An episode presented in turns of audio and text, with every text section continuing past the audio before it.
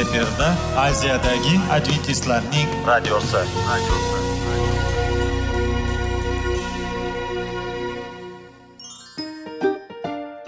Assalomu alaykum aziz radio tinglovchilar. Sog'liq daqiqasi rubrikasiga xush kelibsiz. Zero tananing sog'lom bo'lishi va uning kasalliklardan saqlash har bir insonning burchi hisoblanadi. Inson uchun bebaho boylik bu sog'liq salomatlikdir. Uni asrash esa har birimizga omonat qilib berilgan. Shuning uchun ham inson o'z sog'lig'ini ehtiyot qilishi voajib amallardan hisoblanadi. Dono xalqimiz sog'liq tuman boylik deb bejiz aytmagan. Aql idroq sohibi bo'lgan inson o'z hayotini qadrlashi lozim bo'ladi. Hozirgi kunda qanchalik dori darmonlar ko'paymasin tibbiy muassa sifati shifokorlar vasiyasi tibbiy texnika yaxshilanmasin. Agar insonning o'z salomatligi haqida qayg'urmasa kutilgan natijaga erishib bo'lmaydi va biz sizlarga bizning dasturimizga xush kelibsiz deymiz.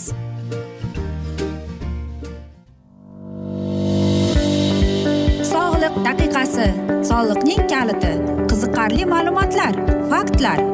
Har kuni siz uchun foydali maslahatlar. Sog'liq daqiqasi rubrikasi rubrikasi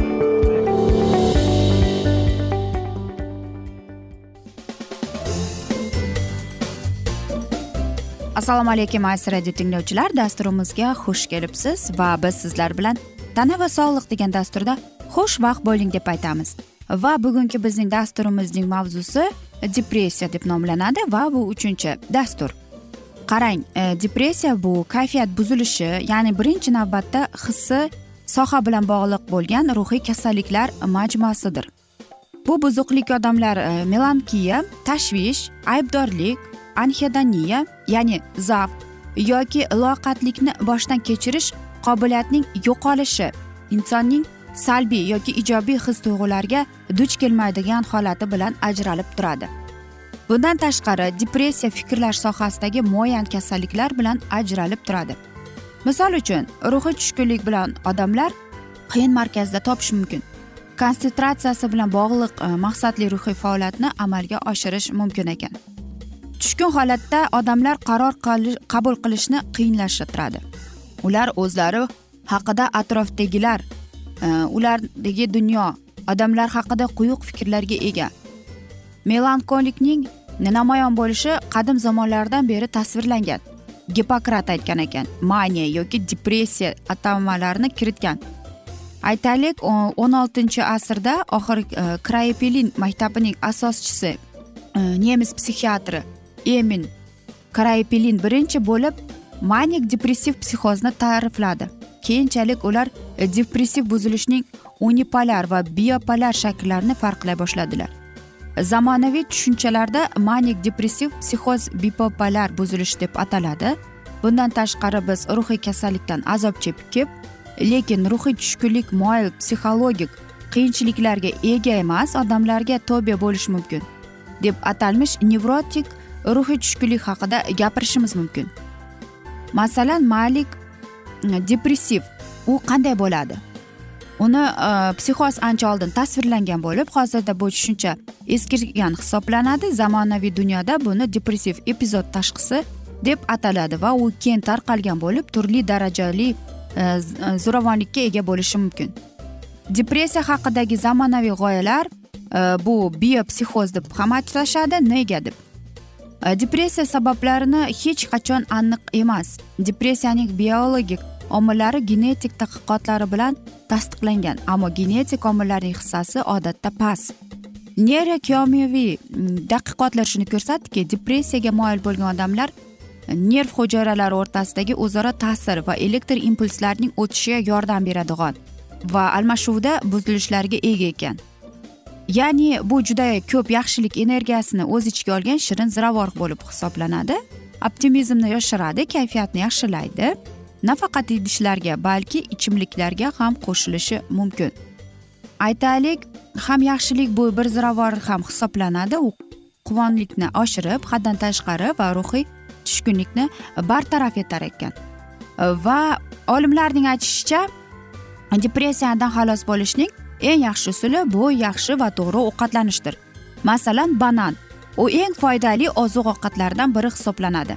Banan sizga xotirjamlikni va optimizm beradi. Fikrlashi va his tuyg'ularga ijobiy ta'sir ko'rsatadi qattiq xarakterni yumshatadi zirq depressiyani davolash uchun eng yaxshi mevalardan biridir. Chunki u optimizmni darajada oshirib quritilgan zirq ham mos keladi. U yozilgan va choy yoki boshqa ichimliklarga qo'shishimiz mumkin ekan.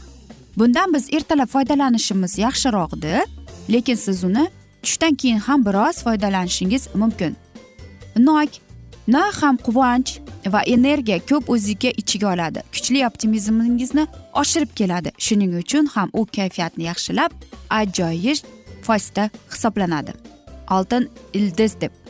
U e, depressiya uchun juda kuchli tabiiy vositadir. Shuning uchun uni faqat ertalab juda oz miqdorda ishlatishingiz mumkin.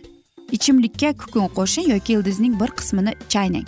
Tushdan keyin va kechqurun oltin ildizdan ishlatmaslik yaxshiroqdir. Chunki u asab tizimining ortiqcha ta'siriga olib kelishi ham mumkin ekan.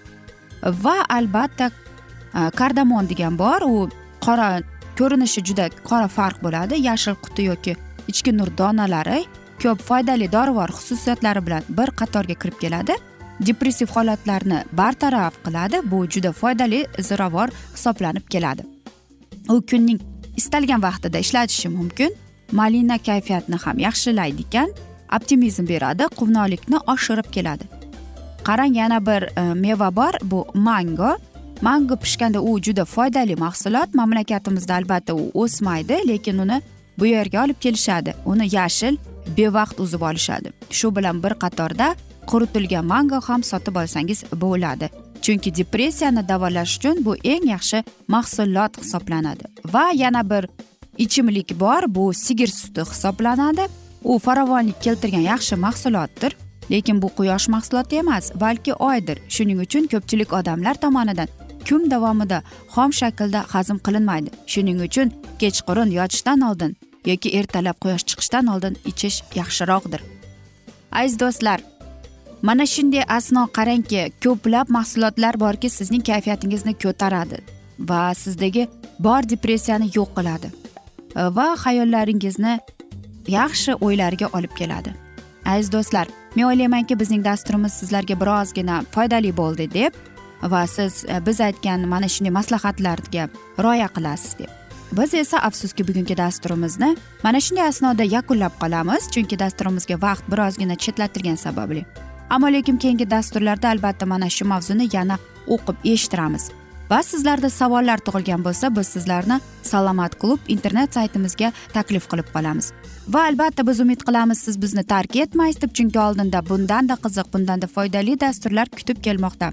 Va biz sizlarga va yaqinlaringizga sog'lik salomatlik tilagan holda o'zingizni ehtiyot qiling deb xayrlashib qolamiz.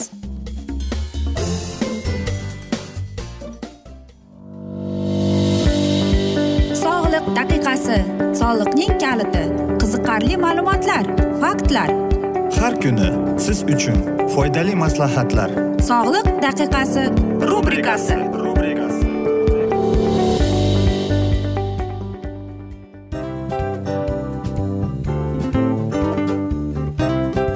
Mana ha hayotda hamma narsaning yaxshi narsalar tugaydi va yakunlaydi degandek bizning dasturimizga ham yakun keldi.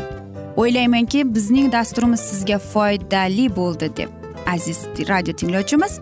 Va siz o'zingiz uchun kerakli xulosalar kerakli maslahatlar olib oldingiz. Aziz radio tinglovchimiz biz bilan qoling va keyingi dasturlarimiz albatta undanda qiziqroq bo'ladi. Mana shu alfozda sizlar bilan xayrlashib qolaman.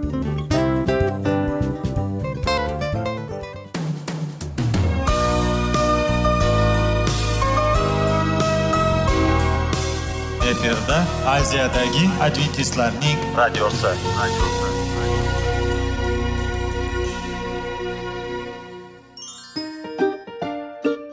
Assalomu alaykum aziz radio tinglovchilarimiz. Dil izhori dasturimizga xush kelibsiz. Pul insonni baxtli qiladimi? Albatta yo'q. Sog'liqchi. Albatta bo'lishi mumkindir. Lekin olimlar shuni isbotlashdiki to'liq va mukammal munosabatlar insonlarni baxtli qilar ekan. Albatta biz hayot davomida biz yaqin insonlar bilan odamlar bilan aloqada bo'lamiz va ular bilan munosabatlarimiz qanday kechadi qanday tuziladi? Yigit va qiz er va xotin ota ona va farzandlar va yaqin insonlar bilan. Balkim hozirgi vaqtda kimnidir hayoti yoki munosabatlari buzilyapti. Va bizning dasturlarimiz ularga yordam bo'ladi deb.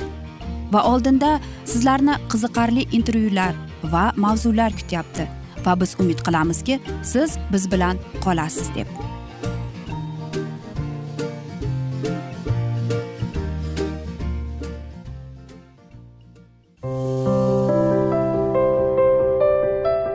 Har kuni har xil kasbdagi odamlar bilan sirlashish va bo'lishish sevgi rashq munosabat. Bularni hammasi dil izhori rubrikasida.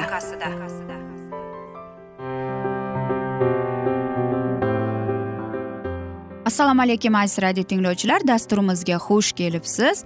Va biz sizlar bilan erkaklar marsdan ayollar veneradan degan dasturda xushvaqt bo'ling deb aytamiz. Va bugungi bizning dasturimizning mavzusi mukammal nikoh deb ataladi. Aytingchi aziz do'stlar siz mukammal nikoh deganda nimani tushunasiz?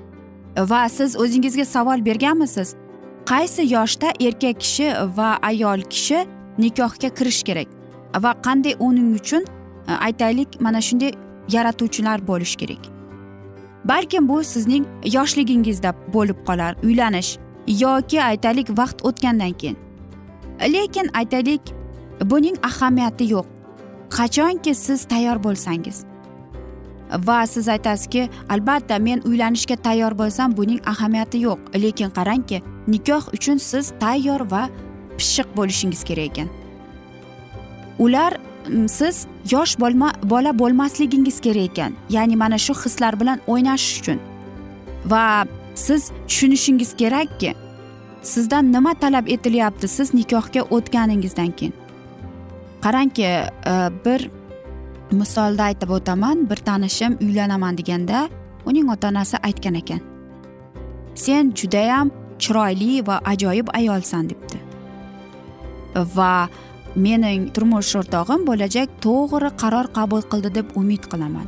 Va sizlar baxtli bo'lasizlar deb.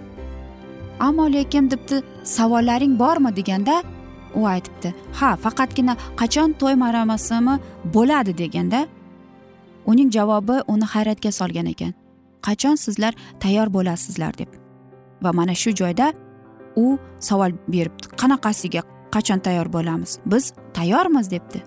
Ya'ni qarangki ular mana shu nikohga kirishdan oldin o'ylarganki biz tayyormiz deb. Lekin birinchi o'rinda bu narsada bu yerda so'zning ma'nosi shundaki siz psixologik tomondan nikohga tayyor bo'lishingiz kerak. Albatta bu narsa juda mukammal lekin siz agar psixologik tomondan aqliy tomondan tayyor bo'lmasangiz unda sizning nikohingiz buzilib ketadi. Shuning uchun ham aziz yoshlarimiz erkaklarimiz ayollarimiz nikohga tayyorgarlik ko'rayotganingizda birinchi o'rinda siz o'zingizga e, javob savol berib ko'ring. Men mana shu nikohga tayyormanmi?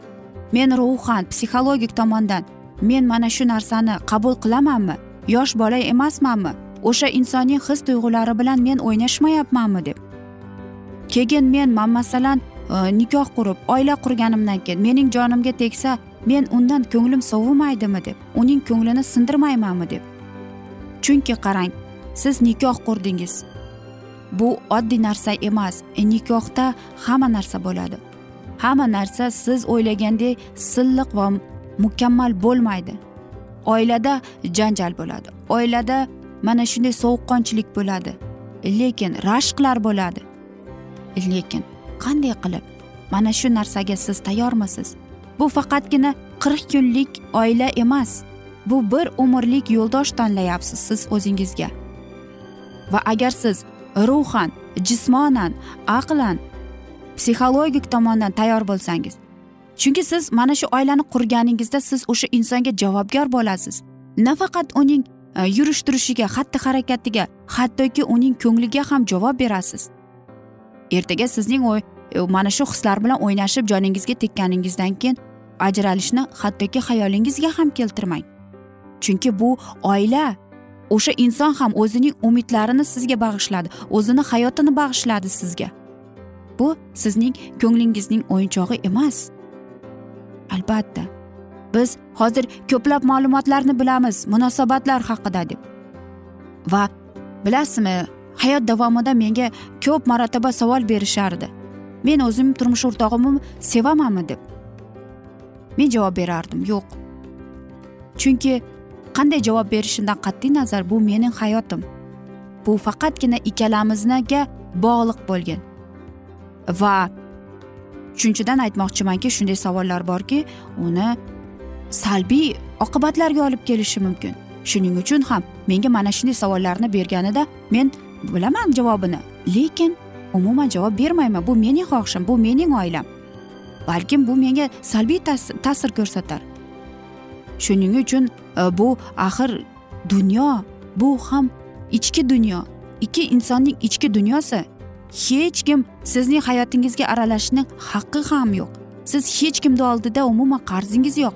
E, birovlarga o'zingizni oilangizda bo'layotgan narsalarga. Bu sizning haqqingiz. Va shuni unutmangki hech ham aziz do'stlar oila qurganingizda bu sizning sevgingiz. Ya'ni o'sha inson bilan sizning sevgingiz va siz yangi dunyo qurdingiz.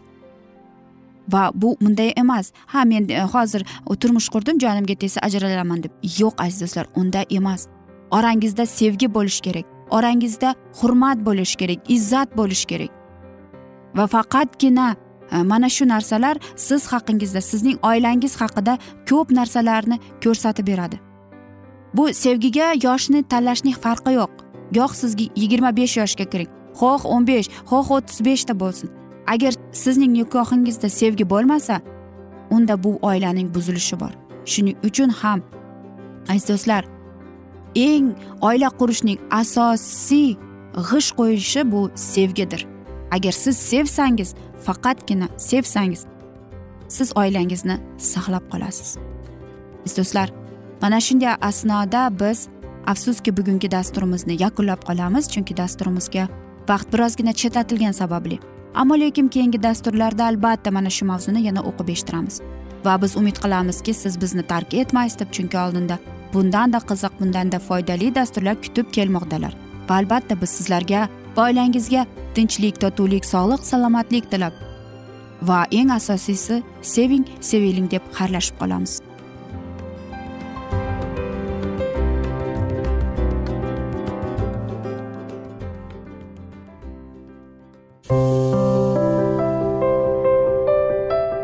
Har kuni har xil kasbdagi odamlar bilan sirlashish va bo'lishish.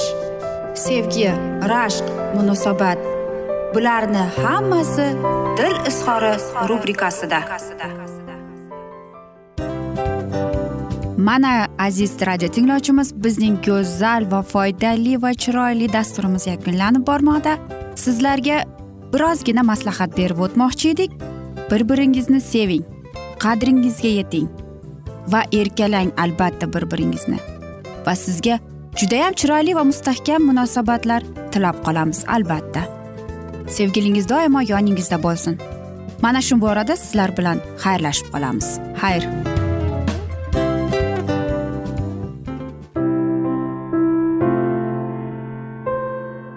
Hayotning noni. Qiziqtirgan savollar va javoblar. Buning hammasi ko'ngil uchun oziqa rubrikasida.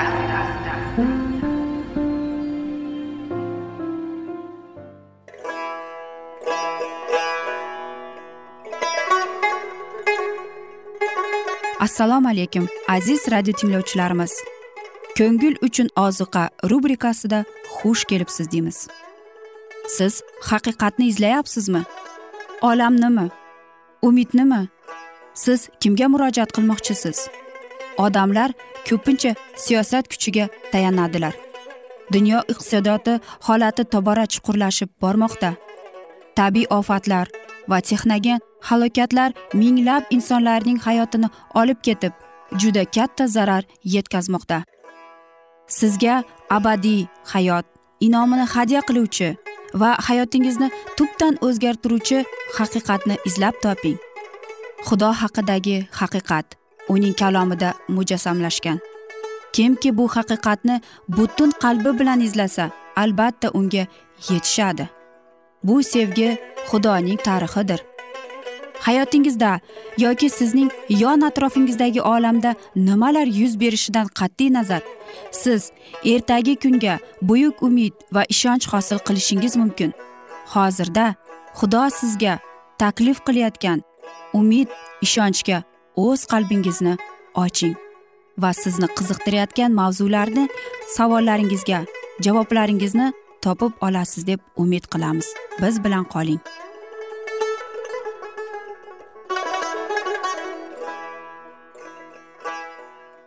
Assalomu alaykum aziz radio tinglovchilar. Dasturimizga xush kelibsiz va biz sizlar bilan ulug' kurash degan kitobni o'qib eshittirishni boshlagan edik va bizning bugungi mavzuyimiz hozirgi kundagi uyg'onish deb nomlanadi va biz sizlar bilan o'tgan galgi mavzuni bugun davom ettiramiz. E, jamoat esa bu illatlarga tanbeh berish o'rniga nafs balosiga ochko'zlikka va masihga bo'lgan sevgi to'ldirishi mumkin bo'lgan o'z xazinalarini o'tkinchi narsalar bilan boyitishga da'vat qilib ko'pincha ularni qo'llab quvvatlardi agar iso hozirgi zamon jamoatlariga kirib u yerda yuz berayotgan e, ko'ngilxushliklarni yoki sirtidan o'zlarini go'yoki taqvodor qilib ko'rsatib aslida betafiq oldi oldi sotti bilan shug'ullanayotganlarini ko'rganda edi. Qachonlardir ma'bada pullarni almashtirib katta sudxo'rlik qilayotgan saroflarni quvib chiqargan kabi ularni ham quvib chiqarmasmidi? Yuqoridan berilgan donolik deydi havoriy paulus birinchidan pokdir. Agar tamaki hidi singib havoni tutundan zaharlab atrofdagilarni ana shu zaharlangan havodan nafas olishga majbur qilayotgan chekuvchini paulus ko'rganda yoki isoning nomini tamaki bilan bulg'agan og'zidan chiqqanini agar u eshitganda edi yoxud xushxabarning pokligiga qarshi chiquvchi odatga agar havoriy duch kelganda edi nahotki pavlus bunday holatni dunyoviy ruhiy va iblisona illat sifatida hukm qilmaydi? Agar tamaki qullari to'liq poklanishni o'ylab arshi aloga kirishga ishonsalar ular katta xatoga qilgan bo'lardilar. Chunki xudoning kalomi deydi hech qanday murdor narsa hech bir razil yoki yolg'onchi kishi unga kirmaydi. Nahot bilmasangiz sizning badaningiz o'zingiz yashayotgan muqaddas ruhning ma'basidir. Uni sizga xudo bergan sizlar o'zlaringizga tegishli emassizlar qimmatbaho bilan sotib oldingizlar. Shuning uchun badaningiz va ruhingiz bilan xudoni ulug'langlar. Chunki sizlar xudoga tegishlisiz. Kimning tanasi muqaddas ruh mabadi bo'lsa yomon odatlarning qo'liga aylanmaydi. U barcha kuchini uni masihning qimmatbaho qoni evaziga sotib olgan zotga bag'ishlaydi. Unga nimaki tegishli bo'lsa shularning hammasini rabbiyga ham tegishlidir. Agar insonga ishonib topshirilgan pulni u bekordan bekorga sovursa qanday qilib u begunoh bo'lishi mumkin? O'zlarini masihiylar deb atagan ko'plab odamlar har yili nihoyatda katta miqdordagi pullarni zararli va behuda ko'ngilxushliklarga sarflardilar. Aynan shu paytda ularning qalblari hayot kalomini eshitmay halok bo'laveradi. Kambag'al beva bechoralarga va xushxabarni tarqatish uchun arzimas xayr sadaqa berib o'zlarining axloqsiz istaklarini qondirish maqsadida ayr ishrat qurbongohida ko'plab mablag'larning qo'lini ko'kka sovurardilar. Hamda xudoga atab berishlari kerak bo'lgan daromadning o'ndan biri miqdordagi o'shirni olib qolib o'zlarini yubordi. O'zlarini masihning izdoshlari deb ataganlar agar o'z mablag'larini foydasiz va zararli mashg'ulotlarga sarflamay rabbiyning xazinasiga berganlarida edi. Bunda masihiylar o'zidan voz kechish va sabr qanoatning timsoli sifatida hammaga saboq bo'lar edi. Ana shunda ular olamning nuriga aylanadi. E, butun dunyo ay ishrat va huzur halovatning ketidan quvdi. Ko'plab odamlarning ongini tana nafsi ko'z nafsi va tirikchilik tashvishlari boshqardi. Ularning qalbida mana shunday yovuz kuchlar hukmronlik qildi. Ammo masihning izdoshlariga quyidagicha muqaddas murojaat qilindi. Ularning orasidan chiqinglar ulardan ayrilib ketinglar nopokka esa qo'l tegizmanglar. Xudoning kalomiga asoslangan holda biz to'liq ishonch bilan aytishimiz mumkinki inson o'zining gunohli odatlaridan va dunyoviy lazzatlaridan tamomila voz kechmas ekan. U haqiqiy poklikka hech qachon erisha olmaydi. Kimki quyidagicha qo'yilgan shartlarga ularning orasidan chiqishga ulardan ayrilishga va nopokka qo'l tekkizmaslikka rozi bo'lsa ularga xudo shunday va'da beradi. Men sizlarga ota bo'lurman. Sizlar esa menga o'g'il qiz bo'lursiz deydi xudovand har bir masihiy to'liq va ma'noli ruhiy hayot kechirishi imkoni va burchiga ega. Men olamning nuriman deydi iso. Kimki menga ergashsa zulmatda yurmaydi balki hayot nuriga ega bo'ladi. Solihning yo'li tongga o'xshaydi. Tong kun chiqquncha yorishaveradi. Ishonch va itoatkorlikning har bir qadami qalbni zulmati yo'q. Hayot nuriga yaqinlashtiraveradi. Solihlik quyoshning nurlari xudo qo'llari yo'lini yoritadi. Ular ham xudoning nurini aks ettirishlari lozim. Yulduzlar osmonda o'zlarini aks ettirib turgan buyuk nurning mavjudligini tasdiqlangani singari hamdu sanoga va taqlidga loyiq bo'lgan xudo butun olamga hukmronlik qilishga hali haqli ekanligini masihiylar ham isbotlashlari lozim. Xudo ruhining yaxshi fazilatlari va uning fe'l atrofining muqaddasligi uning guvohlarida namoyon bo'lishi mumkin. Pavlos o'zining kolosakliklarga maktubida shunday yozgan xudoning bolalariga va'da qilingan saxovatli marhamatlar haqida gapiradi. U shunday deb yozgan shuning uchun biz bu haqda eshitgan kunimizdan beri sizlar uchun ibodat qilishni kanda qilmayapmiz. Xudodan shuni so'raymizki uning irodasini to'la anglashimiz uchun o'zi sizlarga har qanday ilohiy hikmat va fahm idroq ato qilsin toki sizlar rabbingizga munosib yashab uni har jihatdan mamnun qilinglar har turli xayrli ishda samarali bo'linglar. Xudoni tanib bilib ulg'ayinglar. Uning ulug'vor kuch qudratidan bahra olib to'la to'qqiz baquvvat bo'linglar. Hamma narsaga sabr toqat va sevinch bilan chidab otamiz xudoga shukrona qilinglar deydi.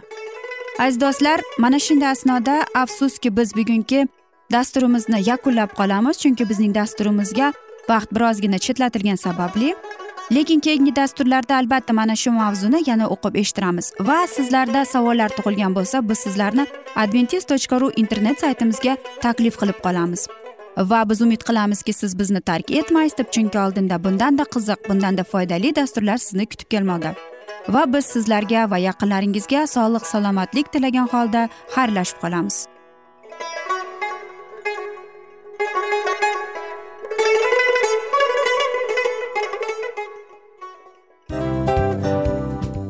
Afsus afsus.